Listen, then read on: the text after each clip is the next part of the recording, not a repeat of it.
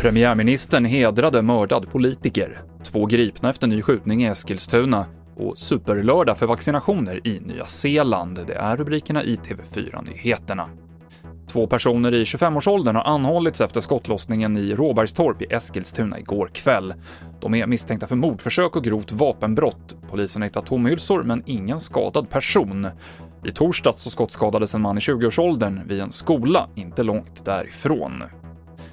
Den brittiske premiärministern Boris Johnson och andra toppolitiker besökte idag Leigh-on-Sea i England för att hedra parlamentsledamoten David Amess, som knivhöggs till döds igår. Mordet utreds som ett terrordåd och Ames angreps under ett möte med väljare, precis som när parlamentsledamoten Joe Cox mördades för fem år sedan. Och nu ställs åter frågor om skyddet för ledamöterna.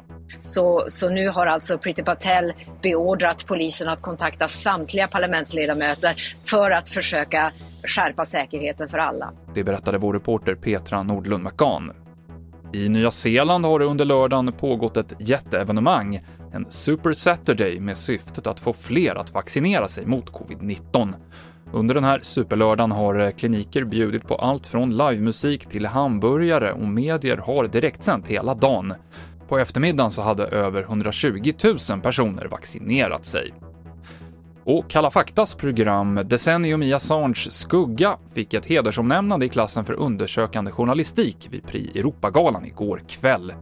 I programmet får man bland annat möta en av de kvinnor som anmält Julian Assange för sexuella övergrepp. Och programmet går att hitta på tv4.se och TV4 Play.